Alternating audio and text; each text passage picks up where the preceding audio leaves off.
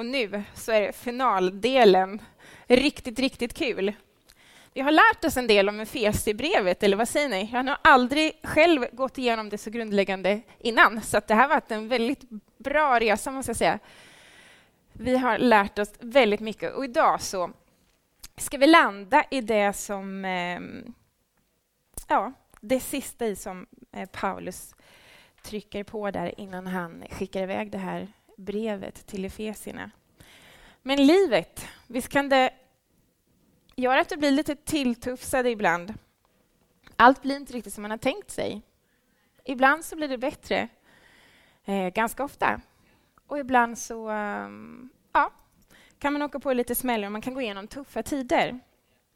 Eh, och man kan bli lite märkt. Eh, det kan göra att man blir hårdare eller att man faktiskt blir mjukare. Och det är väl omöjligt en sån här vecka eh, att inte tänka på Mandela som har redan kommit upp här under dagen. Så fascinerande att en, en man som har suttit fängslad i 27 år, varav 18 år på den här beryktade fängelsen Robben Island går ut där, alltså när tv-kamerorna var på, alla som följde det här den 11 februari 1990, när han då går ut som en fri man. Och vad ser man av den här människan? Ett ansikte som, som lyser. Han hade en utstrålning. Han gick med Eh, de som rapporterade om det sa att han hade en rak rygg. Han gick med en pondus. Han hade en, han hade en stark blick. Det var ingen bruten man som gick ut, utan det var en, det var en man som inte var full av bitter. Det var en man som inte hade låtit sig liksom, knäckas på fel sätt. Och han gick inte ut och, eh, med bitterhet och med hat, utan han faktiskt gick ut och fortsatte att förändra sin värld och det har påverkat även oss. Och Det tycker jag är enormt fascinerande. Och där har man ett vägval, men han valde att eh, han blev en mjukare människa och de som levde omkring honom sa att han, han blev mjukare och eh, ja, det var goda saker som hände fast han satt i det helvetet. Eh, och Mandela, han brukar inte så ofta tala om sin, om sin eh, kristna tro, men när han gjorde det så var det med väldig värme och med ett fokus på eh, på den försonaren som han kallade sin Jesus, som, som har gjort alltså, eh, försonat mig med, med Gud. Och Det var också det som hans liv handlade mycket om, att eh, se till att det blev en försoning bland, bland människor. Och United så, så pratar vi om Bibeln varje dag och vi har valt att göra det på ett textutläggande sätt, vilket innebär att vi tar olika böcker eller ett par kapitel och så så bit för bit så går vi igenom dem och vi gräver. Och ni vet vad som händer alltså när man gräver lite, lite djupare. Alltså man kan hitta för mycket bra grejer. Och vi har grävt och hittat de här skatterna. Så tar vi upp dem och så har vi tittat på dem. Bara, wow! Och det har blivit en hel del aha-upplevelser. En del wow-känslor, men inte bara känslor utan en hel del som, som vi kan stå på. Eh, under våren så pratade vi, handlade väldigt mycket, den serien kallade vi för Saved, när vi tittade på den identitet som du och jag har, alltså den ställning vi har fått. Inte utifrån vilken arbetsplats du jobbar på, inte utifrån vilka vänner du rör dig med, inte, inte utifrån vilken lön du har eller var du bor i Stockholm, utan utifrån din ställning inför Gud. Vad Gud har, har ehm, vad han har gett dig som ett Guds barn. Och med det i, i ryggen så gick vi in efter sommaren i, i Changed, i Förvandlad-serien. För när man inser vad Gud har gjort för en, när man, när man inser vem man är, inte utifrån allt annat som ska bestämma vem jag är, utan vad Gud har gjort mig till, att den förvandlingen får bearbetas och bara inifrån och ut ta sig uttryck. Det händer någonting, det får konsekvenser när man inser vem man är. Um, och Det har också varit en väldigt fascinerande resa nu under hösten och det är den som vi knyter ihop säcken på nu. Och ni vet när man har bråttom, som eh, vi hade på vägen till kyrkan idag, då kan det lätt bli lite skräpmat. Man är hungrig och snabbt ska det gå. Så svänger man förbi något eh, ställe som vi inte ska göra någon produktplacering på här, vi ska inte säga något mer, men att det, kan, det kan gå lite snabbt och bara snabbt käk och så bara snabbt eh, in och så här. Men vill man, alltså, ska man bygga en kropp och det ska bli bra, ska man ha hälsan i behåll, alltså, då gäller det att eh, då kan man inte bara leva på skräpmat, utan då, då ska man ta sig tid eh, att sätta sig ner och äta. Man, ska, man får se till, vad är det nu i den här maten som jag pillar i mig? Eh, och Det är samma sak alltså med vi ande, själ och kropp. För att vi ska må bra som människor så behöver vi tänka till på vad vi stoppar i oss. Vad är det som vi får in i oss? Och Det är precis det som Paulus pratar om eh, i, eh, som han avslutar Feserna. Och vi läser det här stycket, kapitel 6, och vi tittar på verserna 10 till 17. Till sist, bli starka i Herren och i hans väldiga kraft. Ta på er hela Guds vapenrustning så att ni kan stå emot djävulens listiga angrepp. För vi strider inte mot kött och blod utan mot furstar och väldigheter och världshärskare här i mörkret, mot ondskans andemakter i himlarna. Ta därför på er hela Guds vapenrustning så att ni kan stå emot på den onda dagen och behålla fältet sen ni har fullgjort allt. Stå alltid fasta, spänn på er sanningen som bälte kring era kring era höfter och kläd er i rättfärdighetens pansar och sätt som skor på era fötter den beredskap som fridens evangelium ger. Tag dessutom trons sköld, med den kan ni släcka alla den, onden, den ondes brinnande pilar och ta emot frälsningens hjälm och Andens svärd, som är Guds ord. Förra veckan så tycker jag att du gav en helt fenomenal beskrivning av det här, Daniel. Han gick igenom hela vapenrustningen och de här eh, för Paulus var inte det något konstigt att han valde just det här greppet på illustration. Paulus som då beskrev Guds vapenrustning som vi, som vi har fått. Och det berodde ju på mycket säkert för att han satt där fängslad. Han satt och dag ut och dag in så fick han stirra på de här romerska soldaterna som gick där beväpnade. De hade svärdet där, de hade hela kittet. Eh, så det var, ju, det var ju lite av eh, Paulus vardag. Och dessutom behövde han, så insåg han att jag behöver påminna de troende om vad de har. För det var ganska Alltså när de romerska soldater patrullerade där och bara visade sin pondus så eh, det var ju bara fysiskt, men Paulus bara, kom ihåg, alltså, ni har ju något som är ännu mer. Ni har, ni har ett annat skydd, ni har ett annat vapen. Eh, bara kom ihåg det ni har fått. Det är inte något mindre, utan tvärtom. Eh, fokus idag ligger på vers 17, Andens svärd, Guds ord. Och det är faktiskt av hela den här, skyddsutrust den här vapenutrustningen så är alla de olika delarna skydd med just Andens svärd. Det, det är det enda som är ett, ett vapen. Så vi ska kika lite på det, vad det innebär. Vad var det Paulus ville säga med det här? Och hur kan vi, hur kan vi använda oss av det idag, 2013? Och det, just i den här texten så ser ni, det står ju faktiskt inte speciellt mycket. Det står så här, tag emot frälsningens hjälm och Andens svärd, som är Guds ord. Så det beskriver inte enormt mycket om eh, just om Andens svärd. Så vi får använda den här principen att skriften förklarar skriften. Vi får titta på lite olika ställen, för det här är inte något nytt begrepp, att Guds ord eh, att det kallas för Andens svärd, utan det var ganska vanligt bland de judiska författarna att man drog de parallellerna eh, till eh, att det kallades för eh, ett tvegat svärd. Så första punkten som jag har, Guds ord, spegeln som aldrig ljuger. Och det är väl så att eh, jag är lite mer fåfäng än vad jag egentligen vill erkänna. Men nu gjorde jag precis det.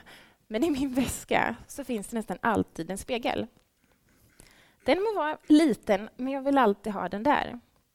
Och Det beror väl dels på att jag har lite koll på mig själv, men egentligen handlar det om att jag vill veta hur du ser på mig. Det är ju helt befängt. Men när du har haft din lunch och ätit de där goda spenatfyllda cannellonis, då vill du veta. Då vill du att din kollega ska säga till om det hänger lite spenat mellan, mellan tänderna innan du går tillbaka och ska ha det där mötet. Men det är inte alla som säger det. Så det, det vill till att man har bra vänner omkring sig. Och det finns ju faktiskt värre saker än spenat olika val som vi gör i livet som kan bara göra att vi tar en helt fel riktning. Och då gäller det att man har goda vänner som säger till. Du Linda, det där, det är inte du. Det är inte bra. Bara tänk till. Alltså, jag hänger inte med. Varför gjorde du så? Det behöver jag omkring oss. Men Gud har också gett oss Bibeln som är ruskigt bra livsmanual. Och den vill han att vi ska använda och också veta hur vi ska använda den. Hebreerbrevet 4 och 12.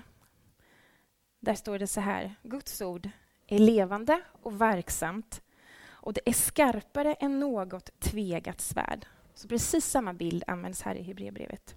Det tränger igenom så att det skiljer ande, led och märg och det är en domare över hjärtats uppsåt och tankar. Alltså Guds ord, det kan tränga igenom. Jag har ju aldrig haft ett svärd som har gått rakt igenom mig. Det låter ju um, ruskigt. Men om du tänker dig att Guds ord, det kan bara gå rakt igenom och det kan skilja. Det kan gå rakt in och se dina passioner, våra intentioner, våra mest hemlighetsfulla och dolda intressen som vi kanske inte berättat för någon annan. Det kan Guds ord avslöja. Och det, det är väldigt bra. Guds ord alltså det kan avslöja, det kan plocka upp i ljuset. Ibland har man kanske inte riktigt koll på det själv, att man har bara valt något, att man har börjat gå i en riktning som kanske inte är så fräsch för mig. Jag tror att vi alla har varit med om det där tillfället när man sitter, kanske om du står och lyssnar på en undervisning och du står där och diskar eller om det händer mitt i kyrkan, att det som sägs, det bara går, det, bara, det är som det siktar rakt på dig. Bara, vadå? Det, liksom, det här beskriver precis min situation. Det här bara går rakt in. Det är Guds ord som bara siktar, det siktar rätt och du kommer helt rätt. Och det behöver inte vara så, det är kanske är ganska allmänt sagt, men det är bara någonting som gör att det bara hittar rakt in, precis där du står, mitt i det vägvalet där du är. Guds ord träffar. Och det är så, alltså, när, vi, när vi predikar Guds ord så är det, det är ingen, det är inte som en vanlig föreläsning, utan vi tror ju att det händer någonting när, när Guds ord när det, när det predikas. Det är som det får vingar. Fick jag plötsligt lite sån Red Bull-känsla här. eh, nej, men det är som det hittar rätt. Det, bara, det faller inte pladask, ordet, utan det händer någonting med det det, hittar, det kommer ända fram om mottagaren är, är öppen för det. Och jag är väldigt glad för att den omsorgen finns. Eh, att Gud är alltså som en förälder som, som bryr sig. Han bryr sig om att jag ska må bra. Han bryr sig om mig och han vet att väljer jag fel i livet, då kommer det påverka mig, det kommer påverka de människorna omkring mig. Han är mån om mig. Och jag är mamma till tre barn och eh, jag har upptäckt för länge sedan att eh, det räcker att man är två, tre år så kan man trodde det att jag vet faktiskt bättre än mamma och pappa vad jag behöver. Men om jag bara backar och bara inte tar mitt ansvar som, som förälder och bara låter dem få äta precis vad de vill, få vara uppe hur länge de vill och bara få sätta sig i bilen, få köra lite för det ser så fruktansvärt häftigt ut då vet jag att det kommer gå riktigt, riktigt dåligt. Det kommer sluta illa. Om Daniel och jag inte skulle ta vårt ansvar och uppfostra våra barn, då skulle de bli outhärdliga medmänniskor när de växer upp. Så en dag hoppas jag att de kommer tacka mig. Även om de inte gör det, så kanske ni kommer tacka mig för att jag tar mitt ansvar.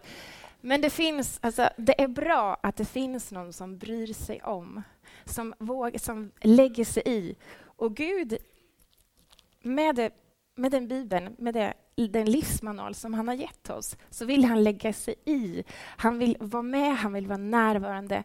Och Guds ord, när det predikas eller när du läser det, det kan tala bara rakt in i de mest hemlighetsfulla områdena som finns. Du kanske inte har pratat med någon och han kan bara hjälpa dig att, att välja rätt när du, när du gensvarar. Och det tycker jag är helt det är fenomenalt. Det första in, eh, tillfället som jag minns eh, när, det, när jag blev sådär träffad. Jag kommer ihåg att jag, jag satt, det var en tillfälle med mig, jag satt med mina föräldrar. Jag, jag kommer ihåg att jag stirrade hela eftermiddagen under den här predikan ner på mina nyköpta röda mockastövlar. och De blev bara suddigare och suddigare och suddigare och tårarna bara rann. Jag blev så träffad. Det var någonting som jag inte hade dealat med, någonting som jag hade gömt undan och inte velat ta i. Något som jag hade gjort och sen inte rätt ut. Men Gud i sin omsorg talade till mig genom ordet under den predikan. Så att när jag gick därifrån så visste jag det bara försvinner inte av sig själv. Jag måste dela med det här. Och det fick lilla Linda göra. Jag var ganska liten och det kanske inte var något jättestort på ett sätt, men det var stort i min värld och det hade betydelse för mig. Så Guds ord kan avslöja, spegeln som aldrig ljuger, eh, sa jag. Det kan avslöja, men det kan också bekräfta, det kan uppmuntra och det kan, eh, det kan hjälpa oss. Så när jag vi säger du kanske har fått en omgång på jobbet eller vet inte vad, så någonting har hänt med kanske din partner eller no någonting har hänt och du känner dig verkligen nedkörd i, i skorna och du vet de här tankarna som kom, kan komma. Så bara, nej just det, kapa det, bara kom ihåg vem du är, kom ihåg bara, nej men det där är inte sant, det där är inte sant. Och bara påminn om vem du är. Så Guds ord kan påminna dig om vem du är, kan bekräfta dig. Guds ord vill, vill bygga dig. Eh, och mina största fiender, det är inte alltså i Sverige, det är inte missiler, det är inga patrullerande soldater på gatorna. Utan för mig är det tankespöken. Det kan vara oro, känslor som vill ta över. Vissa har problem, kan känna en skam, plågoandar, oro. Det finns, alltså du och jag, vi har, vi har olika saker som vi stångas med. Vi har olika saker som, som är våra fiender. Men det är helt oslagbart att leva nära Bibeln och använda den som livsmanual. Att om du fyller det med det, om du äter av det, alltså varje dag regelbundet, så hjälper du dig själv att bara vara... Du hjälper dig själv ifrån alltså att eh, undvika så mycket som, inte, som man inte behöver hamna i klistret på. Eh, det var min första punkt. Guds ord, en spegel, spegeln som aldrig ljuger. Nummer två, Guds ord ta fighten för min skull. Nu är det plötsligt lite mer, det låter lite mer offensivt här. Eh, lite fakta då. Den här romerska soldaten eh, hade alltid ett svärd. Det var det här svärdet som, som eh, Paulus hade, hade sett. En gladius. Och eh, det, var ganska, det var ganska kort. kunde vara mellan 50 och 80 centimeter tveeggat svärd. Och, eh, när det var kort då betydde det att det var designat för, för närkamp. Och, eh, användes det här svärdet korrekt så avgjorde det liv eller död. Så det gäller ju att, eftersom Guds ord eh, liknas då som det här svärdet, alltså vem som helst kunde inte bara ta det här svärdet och så, bara, och så blev det seger, utan man behövde veta hur man skulle använda det. Det fanns en viss teknik med det här svärdet. Du behövde känna till det, du behövde veta, liksom, vara van vid handlaget och veta hur den är.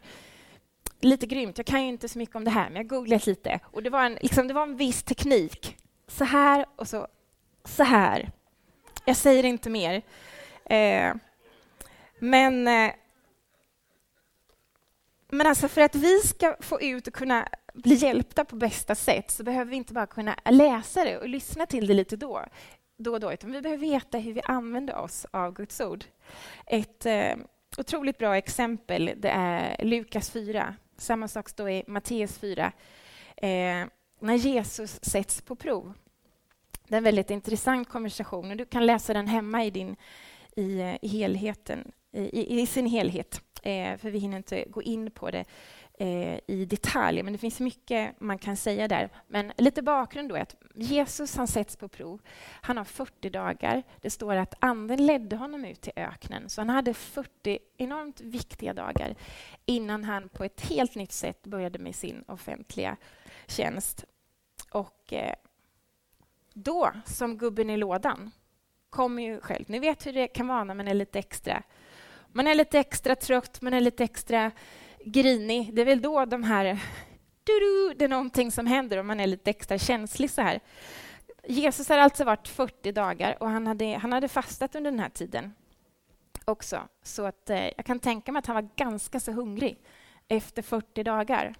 Och då dyker den onde fram. Och man kan ju använda många ord för den onde. Djävulen, Satan. Satan betyder till exempel motståndaren, åklagaren.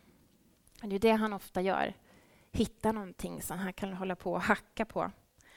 Och då beskrivs det så här, för han använder visst tre olika spår, tre olika attacker för att försöka komma åt Jesus, försöka få honom på fall. Och Jesus han var enormt hungrig. Har man inte ätit på 40 dagar så är man hungrig. Och då börjar åklagaren så säger han så här, du, du är visst lite hungrig. Om du nu är Guds son, ta den där stenen och förvandla den till bröd. Tycker du ser lite, ser lite trött ut. Ser ut som du skulle må bra av lite bröd. Ta någonting som han visste att Jesus egentligen behövde. Han var jättehungrig. Och så börjar han lite. Och det var inte det att... Det är klart att Jesus hade kunnat göra det. Men det var inte det han skulle göra. Och det intressanta är hur Jesus svarar. Han kontrar med att citera Guds ord. Det finns otroligt mycket bra saker som Jesus hade kunnat säga. Men han kontrar med att citera Guds ord. Och han säger så här. Det står skrivet. Människan ska inte bara leva av bröd. Så på ett sätt, alltså han, han tog inte fighten själv, utan han lät Guds ord ta fighten. Och vet du, det där kan du och jag göra väldigt ofta. Men då gäller det också att man känner sin bibel, att man vet alltså, vad betyder det här. Eh, och om du fortsätter att läsa där i Matteus eh, 4 hemma så kan du bara se systematiskt hur Jesus gör precis samma sak. Han bara kontrar med Guds ord hela tiden. Och till slut, vad händer? Står det så här. När åklagaren fann det lönlöst att kämpa mot, mot, mot Guds ord så står det i Matteus 4.11. Då lämnade djävulen honom. Det var bara, okej, okay, det gick inte. Här kom jag ingen vart. Det är precis så det ska vara. De där tankespökena som kommer. Eller det där, du bara sitter där eller, och du bara märker, okej, okay, nu kommer den där ångesten och så börjar den växa mer och mer och mer. Och du vet, du är här, men du vet, om inte jag gör någonting åt det, om tre timmar kommer jag vara där och då kommer det inte vara bra. Du vet, man, kan, man har det här vägskälet. Man kan på något sätt välja att, att gå i rätt riktning eller så kan man välja att bara följa med. Om man är trött och man kanske tycker synd, lite synd om sig själv och så bara följer man lite med. Men du vet, där, där har du ett vägval och du bara, okej, okay. alltså nu mat, vad är det det står nu igen? Och då är det bra att man kan sin bibel. Just det. Och så bara läs högt för dig själv. Just det, och bara påminn dig själv om vad är sanningen? Vad är det som gäller? Och inte bara följa med de här tankespökena, följa med de här plågoandarna. Vi blir testade hela tiden. Du kanske varje vecka, jag varje dag. En sån här poppis grej för min del, det är just att förlora självkontrollen. Jag älskar kontroll och vill gärna ha kontroll på allting. Men jag kan också vara lite lätt stressad ibland. Eller vad säger du, Daniel? Och Då kan jag bara öppna Bibeln och ska påminna mig själv om Paulus. När han beskriver alltså, sitt förhållande, eller när han beskriver hur han förhöll sig till eh, jobbiga perioder. Alltid är ansatt, jag kan vara rådvill, men inte rådlös. Jag kan vara förföljd, men inte övergiven. Jag kan bli slagen till marken, men inte förlorad. Ja, just det. Just det. Jag kan ju välja där någonstans, eller så kan jag bara följa med de här känslorna. Jag kan välja, jag har ett val. Eller när du står där och bara den här girigheten, bara som... och... Eh, ja, men de där pengarna har jag faktiskt tjänat in själv. Och det har varit riktigt jobbigt. Men då kanske man bara får påminna sig om ja just det, jag kanske ska vara tacksam över att jag har hälsan i behåll, tacksam över att jag faktiskt har ett jobb, att jag kan tjäna pengar, att jag har någonstans att bo. Och jag kan faktiskt ge av de här pengarna. För jag kanske har det så mycket bättre än den människan som sitter där, som har hål på byxorna och inte ens en riktig vinterjacka och det är december. Eller när man sitter där och tycker lite synd om sig själv och man känner hur de där känslorna bara ha, håller på att ta överhand. Bara då plocka upp psalm 139 när David säger Jag tackar dig Gud jag är så, att jag är så underbart skapad. jag älskar det stället. För jag vaknar alltid upp så på morgonen. Att jag är så underbart skapad. Min själ vet det så väl. Nej, just det, jag vet inte det, men jag, jag påminner mig själv om det just nu. Min själ vet det så väl. Jag är så fantastiskt skapad. Tack Gud. Ja, Gud, du har gjort mig, jag är din avbild. Ja, det, är, det är helt fantastiskt. Jag är din avbild. Bara få påminnas om vem man är.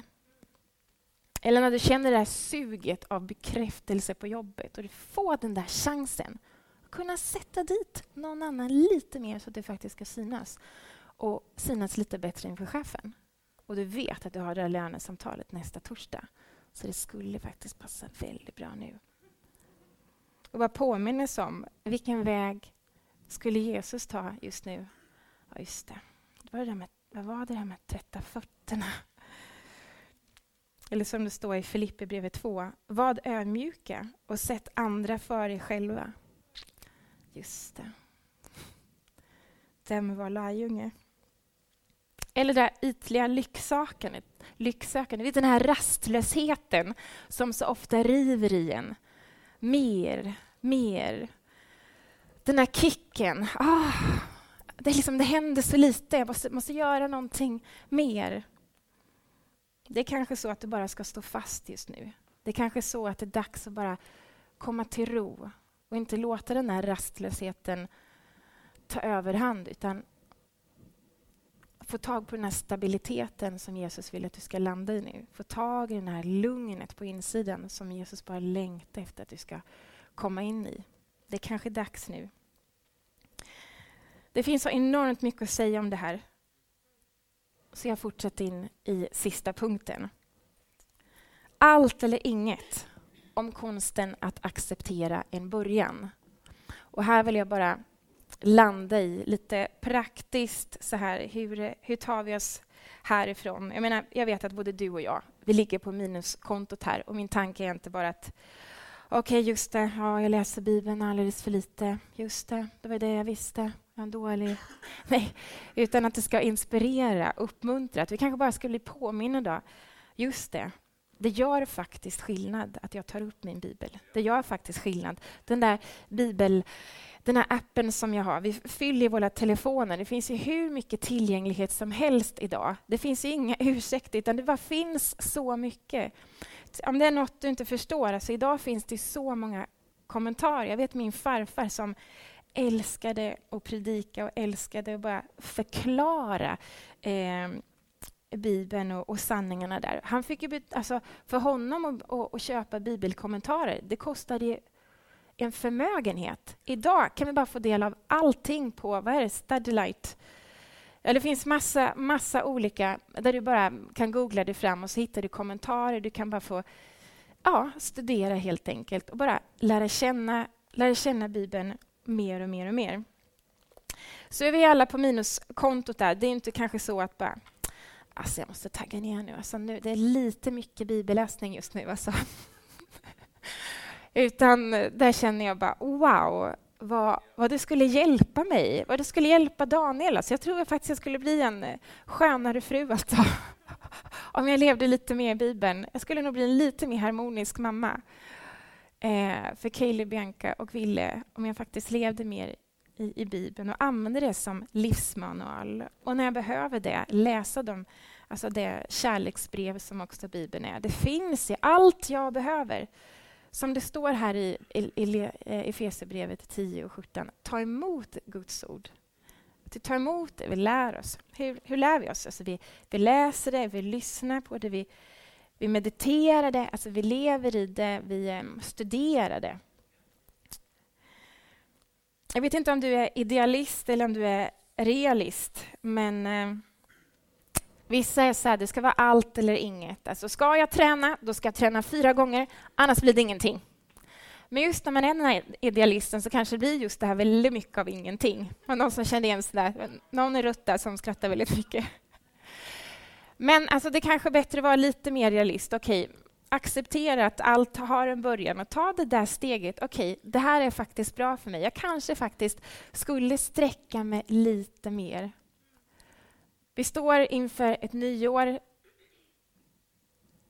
Framtiden, liksom på ett, det är mycket som vi inte vet, men det är vissa saker vi kan faktiskt styra över och det är hur vi använder vår tid. Och jag vill i alla fall gå in i nästa år, 2014, och bara leva ut min förälskelse lite mer för Bibeln och leva lite mer i Guds ord. För jag vet att det räddar mig från så, från så mycket. Guds ord är levande och verksamt för den som tror. Och tron växer av när vi lyssnar på predikan. Tron växer av när vi läser Bibeln.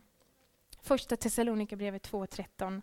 Därför, när Guds ord får bo i oss, då blir vi starka.